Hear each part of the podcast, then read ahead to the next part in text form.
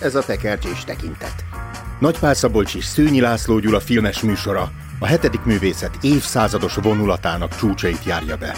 Derűvel és lelkesedéssel, szeretettel és bírálattal. Mindvégig azt tartjuk szemünk előtt, hogy tekercs és tekintet találkozásában megszülethessék az életváltoztató filmes élmény.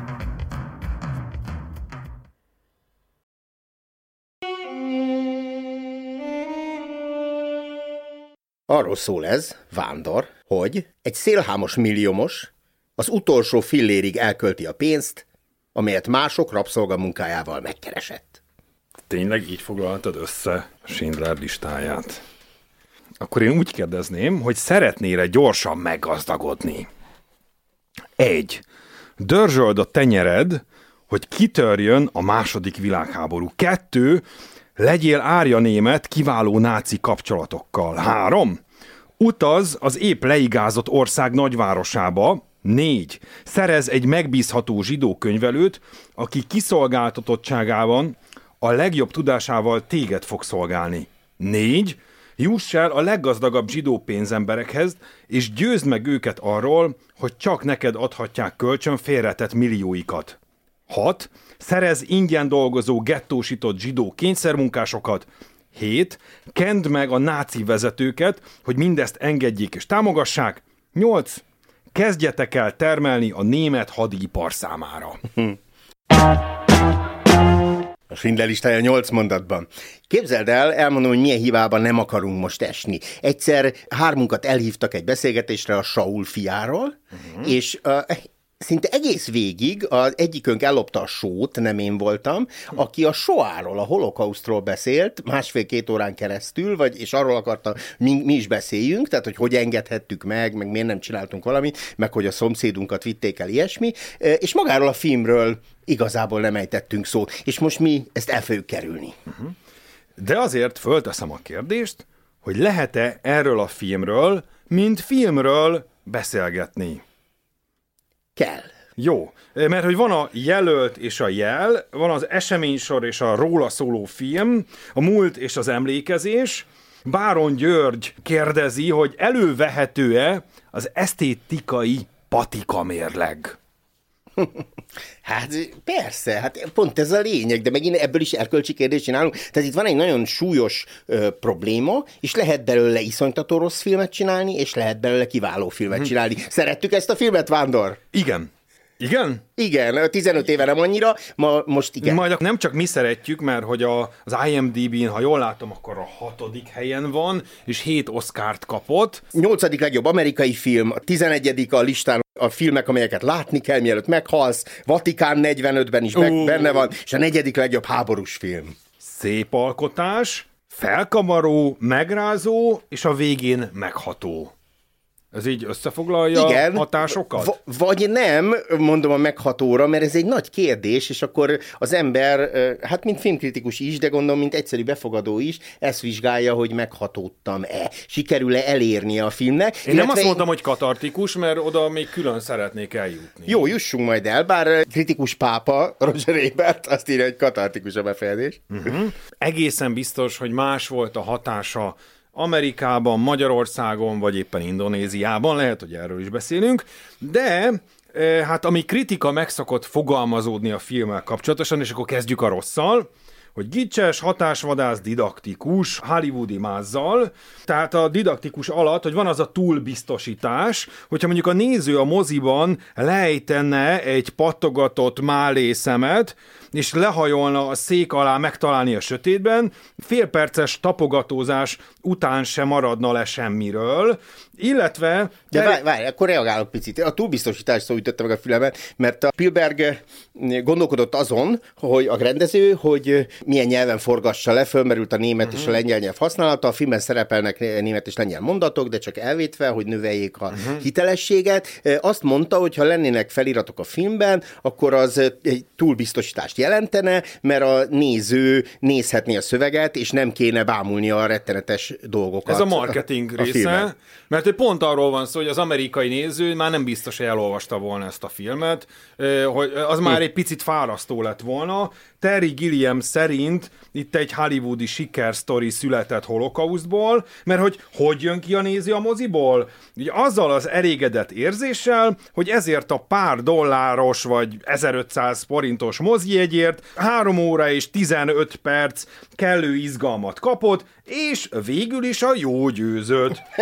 és a művel a nézőnek semmi munkája, erőfeszítése nincsen, Innentől viszont a katarzis is elmarad. Aha, hát ez, ezzel nem, nem hiszem, No, nem kell. szabad értenünk. Jean-Luc Godard is mondta, hogy profitál a tragédiából a rendező, de hát eh, visszakérdezek, tehát most akkor ne beszéljünk erről a tragédiáról, mert rögtön valami eh, baloldali rendező azt fogja mondani, hogy profitálunk a tragédiából? Jó, akkor mondok még itt észrevételeket. Tehát volt, aki azt mondta, hogy jobb lenne, ha nem őrült lenne a főgonosz, hanem egy normális ember. Ez fontos kérdés. Aki végrehajtja a parancsokat. Kérdezi valaki, hogy Oscar Schindler német, egy igazi amerikai hős, mint Rick reinkarnációja Casablanca-ból. Ne ilyen gyorsan. A, Jó. Igen, hát a, a, a Gött az valóban egy klasszikus pszichopata, picit beszéljünk majd róla. Mindenképpen. És, és valóban a SOA gépezetének a működtetését azt nem klasszikus pszichopaták végezték, hanem normális emberek. A mesterségem a halál Igen. központi figurái. Mint, mint te vagy én. Ugyanakkor van egy Schindlerünk, majd beszéljünk róla. Magyar tehát Schindler? ő, Nem. Ő, nem. Lehet, Jó. hogy az, az is van, de ő viszont egy köznapi ember. Tehát ő, Hát ő, sem köznapú. Jó, majd megvitatjuk, de nem, nem, ez- nem egy szent. És, Hát, az biztos, hogy nem, de igazi rossz fiú. És talán nem is hős. Erről is beszéljünk. Jó. És valaki ezt írja, hogy a Auschwitz, ez a Báron György, Auschwitzban nincsenek hősök, csak gyilkosok és áldozatok. Ezzel szemben itt van ez a hollywoodi dramaturgia, ami hősközpontú. Na szóval, hogy lehet, hogy maga Hollywood kizárja, hogy egy hiteles ö, Auschwitz-i filmet lehessen forgatni. Hát igen, most estig elvitatkozhatnánk, de hát megint akkor, tehát van egy történetünk, ez, szerintem ez a lényeg, és ezt érez az egyik túlélő, uh-huh. a, az egyik eh, Schindler zsidó, ahogy magukat uh-huh. nevezi ez a közösség, ő, ő neki szívügye volt, hogy ebből készüljön film. Uh-huh. És akkor ez a kérdés, hogy persze, hát a legtöbb ember a második világháború idején nem volt Schindler, ez tény, uh-huh. viszont volt egy Schindler, akkor ne forgassunk filmet belőle? Azt mondod, van egy történet, ugye, vagy három történet, vagy Ó, öt igen. történet? Mert hogy első történet holokauszt, második történet Oscar Schindler, harmadik történet Amon. Göth, ugye a, a gonosz, és akkor vannak kisebb történetek, mint mondjuk a kisfiújé, vagy a rabbié, vagy a, az ott a szerelmes páré, akik házasodnak. És mondhatnánk, hogy van Sternek is története, de ott rögtön hozzá, hozzátesszük, hogy ő három emberből, három történelmi emberből van összegyúrva.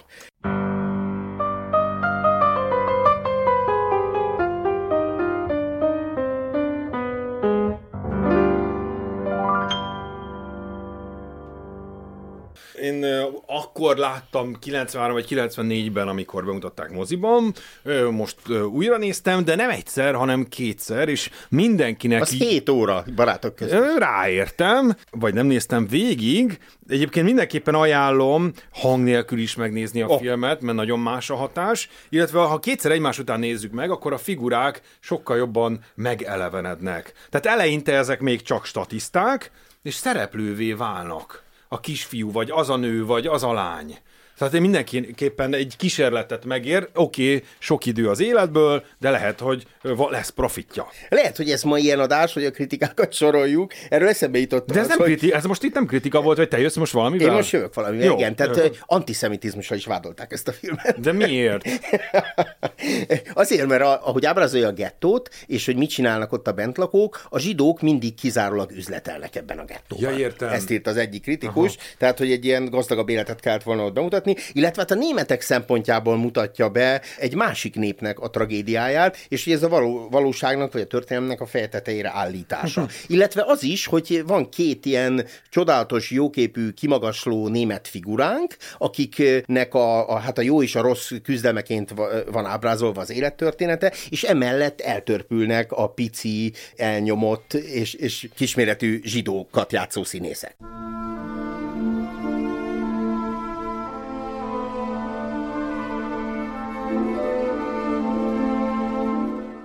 Nem vagyunk mi ennyire kritikusak a filmmel, tehát már-már nem.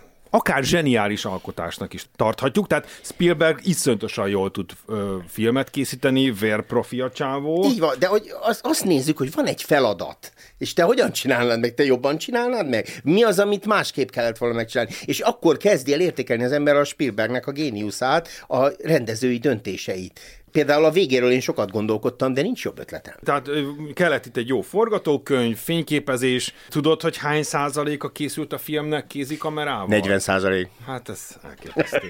és hát a zene, és a zenénél nem csak a, a megírás, hanem aki előadja, és egyébként magyar vonatkozású dal is elhangzik benne, és hát a színészi játék, illetve a helyszínek. Mert hogy a részint eredeti helyszíneken forgattak.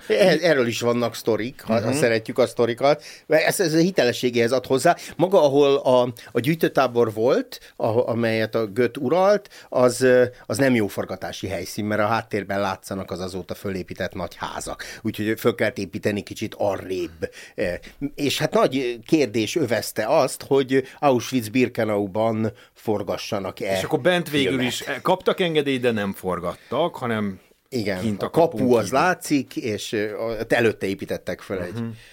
Na most itt Spielberg kapcsán annyit emeljünk ki, hogy itt már többször jelölték Oscarra és Golden Globe-ra, cápával, meg a harmadik típusú találkozásokkal, de ezzel a filmmel nyert el mindkettőt, aztán még a Ryan közlegénnyel fog tarolni, de hogy nem feltétlen ő forgathatta volna ezt a filmet, hanem itt fölmerült Scorsese. Te, Fritz Lang is fölmerült, képzeld Tényleg?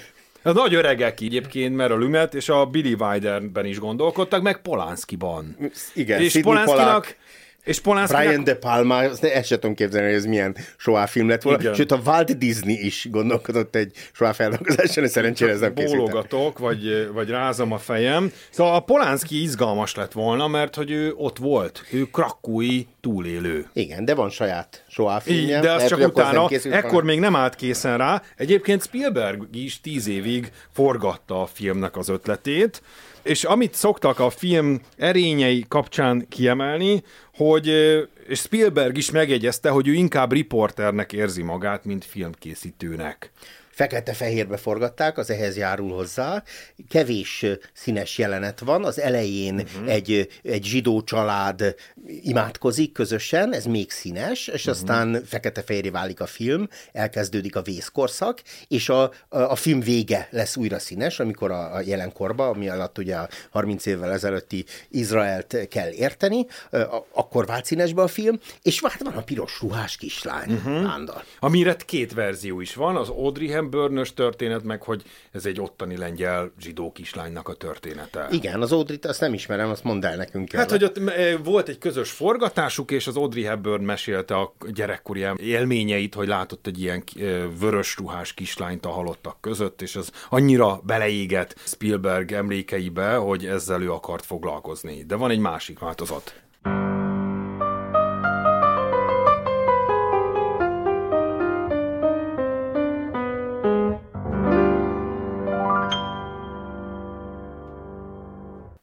Nagy kérdés ez a piros ruhás kislány például, ezen érdemes elmerengeni. Tehát ott kicsit azt érzi az ember, vagy én mindenképp azt éreztem, hogy itt ebben a pillanatban most akkor nem történelem, hanem filmkészítés, hmm. hogy akkor egy filmes trükk, vagy egy filmes eszköz került felhasználás, és én kicsit kizökkentem a, a, éppen a gettót számolják fel, amikor megpillantjuk a, a film egyik kulcsjelente, a piros ruhás kislányt. Persze aztán rímként előjön, a, amikor exhumálják a, a rengeteg halottat, és ott is látszik a kislány. Ez egyébként azért fontos, mert ez az a két kulcspont, legalábbis az én elszámolásomban, ahol főhősünk Oscar nézetet vált.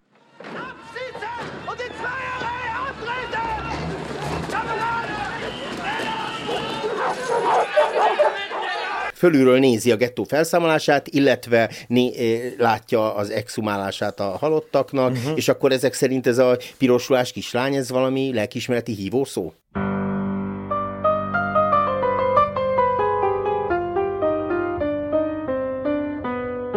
Két dolgot szerettem volna még előtte megemlíteni. Egyrészt, hogy a filmnek nem csak egy három órás változata van, hanem egy hat órás is, és általában az a legjobb de azt uh, hivatalosan nem került ki, lehet, hogy még lesz olyan is.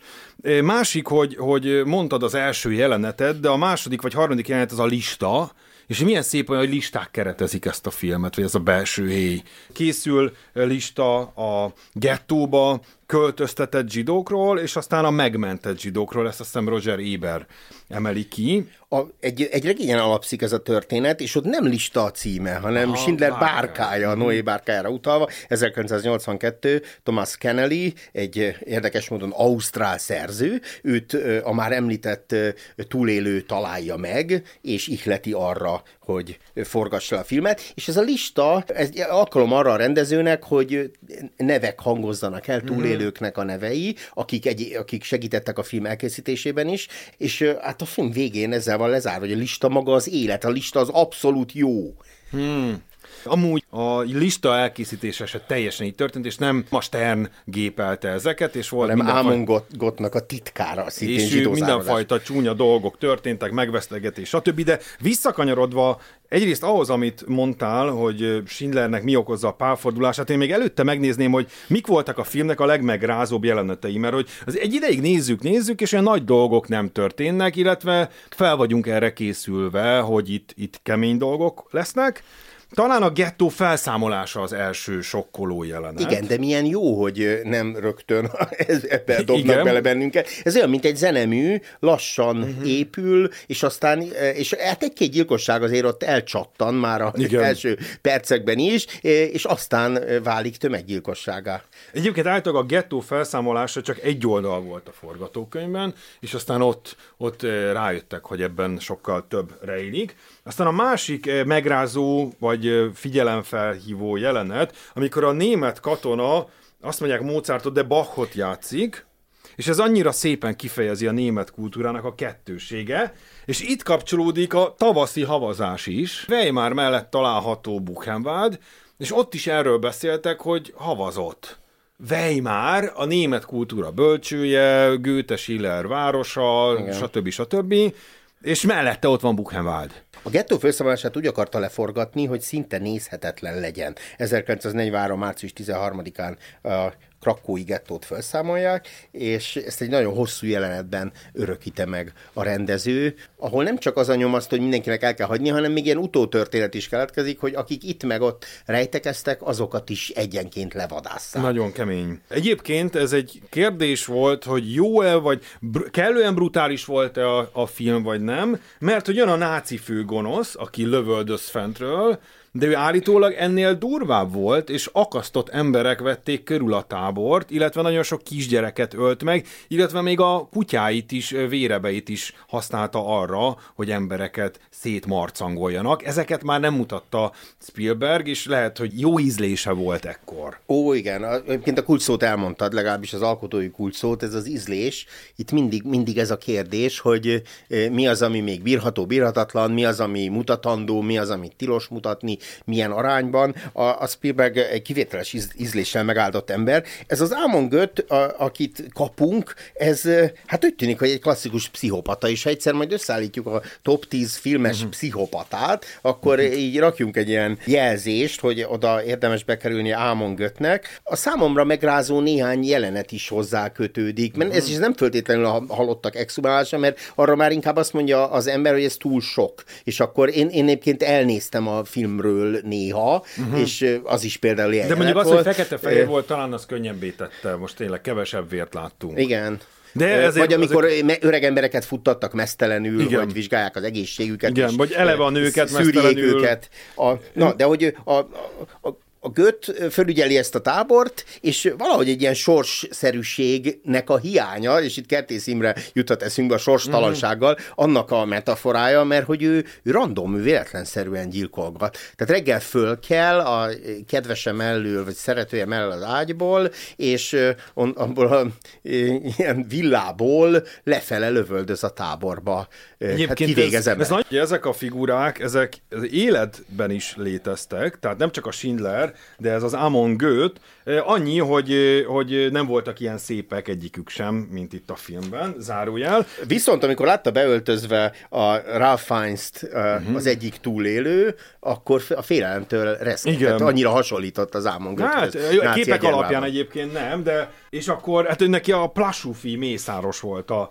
beceneve, mint a Bressai hína, és hát nagy legendák voltak arra, hogy mi mindent csinált, ezekből idéztünk, úgyhogy nem annyira szükséges. kérdés, ugye mondtad idefele jövet, hogy írnak úgy róla, hogy ő ilyen ellenmondásos figura, vagy nem is tudom, miket írtál. Hát elég összetette ez a kérdés, mert... Számunkra nem. Oscar Schindler már összetettebb.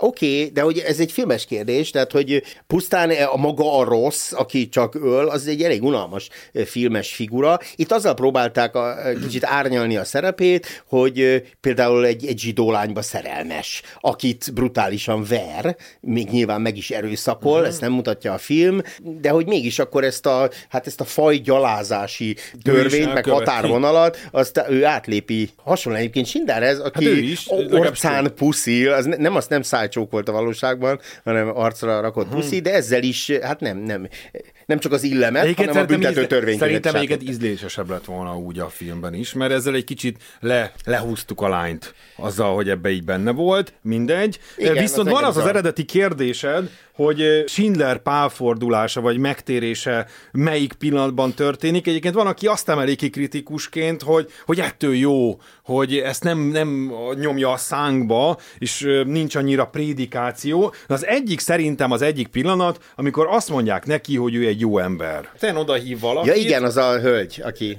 nem, megment. nem csak a hölgy, hanem egy férfi, az a félkarú férfi azt Aha. mondta, hogy ön egy jó ember. Tényleg. E, aztán érdekes, hogy ő is utána megpróbálja ezt sugalni talán Amonnak, hogy lehetne jó ember. Annál az embernél ez nem ér célba.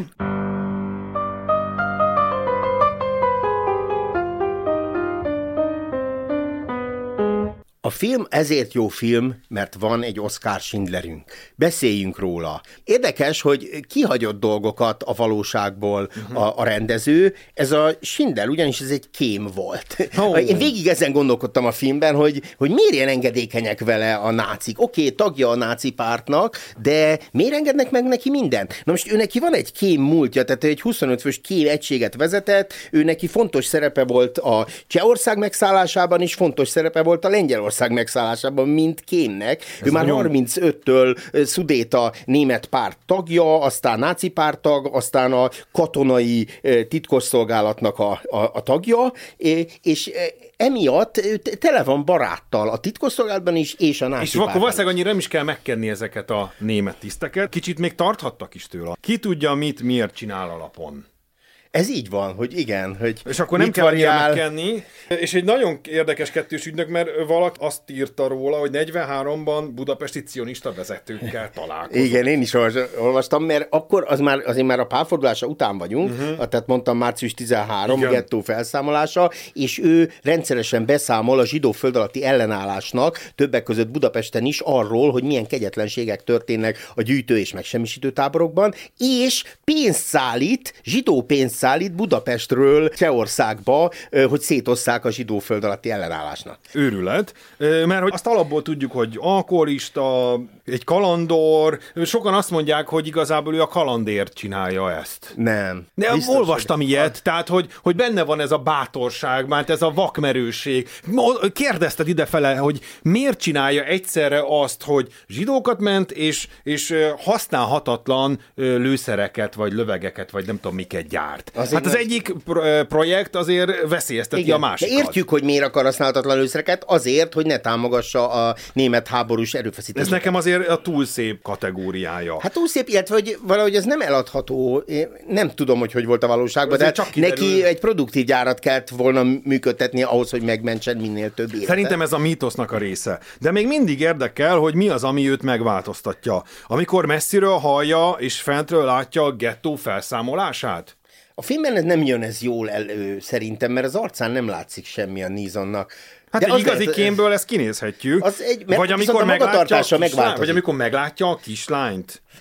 És mi, mi van, hogyha ez a piros szín, ez az ő színe? Ez, ez a lelkiismeretnek a színe. Ez jól mondod. Ezért jó film. Itt van ízlése a Spielbergnek. A három főszereplő közül kettő, a Stern és a, a, a Schindler beszélgetése az le van tompítva. Ők sose beszélik azt meg, hogy, illetve hát a film végén igen, és az is kulcsjelenet, igen. azt, hogy, hogy, hogy most mi mentünk, minél többet mentünk, úgy teszünk, ez mintha... Ez a két férfi, ez ilyen szemérmesen elkezd együttműködni a legnagyobb, legnemesebb projektben, az embermentésben filmesben. És akkor már itt beszéljünk a Sternről egyébként. Robi emeli ki, hogy milyen jó, hogy ismeretlen színészeket használt a rendező, mert hogy Liam Neeson a misszióban a nyolcadik legfontosabb szerepet kapta, de mondjuk Kingsleynek már volt egy fontos szerepe. Igen, Gandhi volt. Gandhi volt. Szóval ez a Stern, ez tulajdonképpen kit képvisel? Mit, mit képvisel? Mi ő? Hát ő a, a, nem én mondom, ezt Spielberg mondta, hogy ő a nem is csak a tanú, hanem ő a lelki ismeret. Igen, az alter egója ennek a Schindlernek.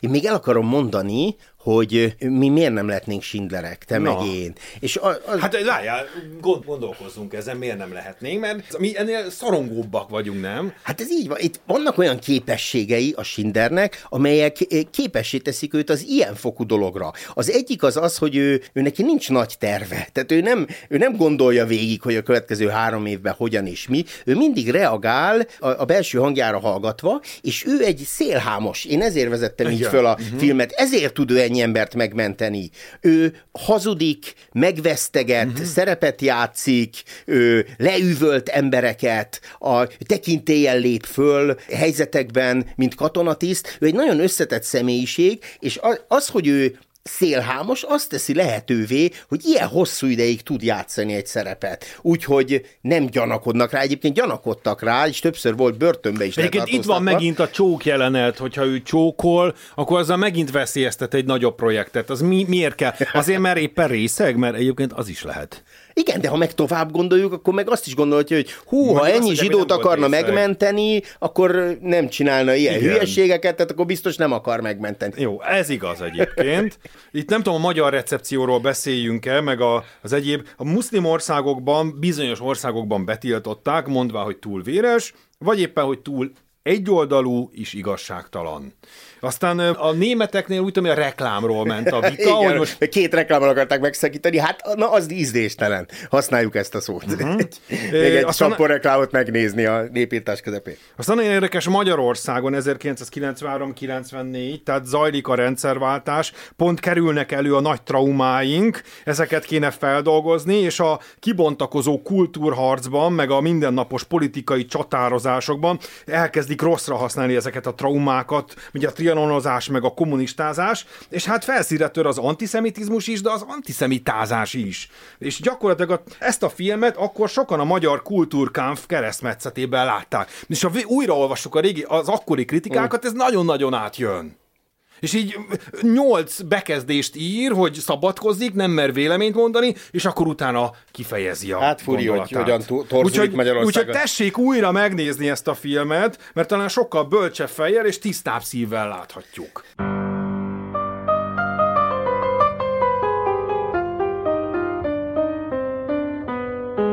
És a másik nagy kérdés, és az utolsó nagy kérdés, az a vége, mert van hmm. két érzelgős, kérdőes, gicses kérdőjel jelenet, ami lehet, hogy agyonvágja az egész filmet. Vannak ilyen kritikusok, akik így gondolják, ki ki mérlegelje magad, tehát ez a hosszas búcsúzkodási jelenet, ahol sírva fakad Schindler, sokan azt mondják rá, hogy teljesen kiesik az addig fölépített személyiségéből, hogy ez nem hiteles, de mondjuk az egy alkalom arra, hogy mi is egy kicsit együtt sírjunk. Picit sok, de megható és igenis működik. És a végén meg megint egy ilyen hollywoodi patetikus, tehát a Hollywood szereti a nagy felvonulásokat, Igen. és akkor, hogy azóta, tehát a valós túlélők összegyűlnek egy sorba, és a, a sírjánál elhelyezik az emlékezés köveit. Nem tudják elég sokan, hogy volt egy magyar Schindler is, illetve több is, az a leghíresebb, vagy legfontosabb, az Ocskai László, aki, akinek le, volt először egy munkaszolgálatos százada, tehát ő, ő parancsnoka volt ennek, és hivatalosan a német hadsereg hadseregnek gyűjtött és gyártott ruhákat, először a Sép utcában, majd a Zuglói Zsidó Gimnáziumban 2500 zsidót bújtatott, olyanokat, mint, mit tudom én, Kadosa Pál zeneszerző, vagy Kellér Dezső humorista, és sikerült igenis megmenteni ezt a sok-sok embert, és nagyon büszkék vagyunk rá, szegénynek annál sanyarú volt a hátralevő élete. Csak remélhetjük, hogy amikor minket is megpróbál a történelem, akkor a jó mellett döntünk. A maga Schindler egyébként a 70-es években azt mondta, éreztem, hogy embertársaimat meg akarják semmisíteni, segítenem kellett, nem volt választásom. Ez volt a tekercsés tekintet, Schindler listájáról beszélgettünk Steven Spielberg 1993-as filmjéről. Én Nagy Pál Szabolcs vagyok. Én pedig Szűnyi László Gyula.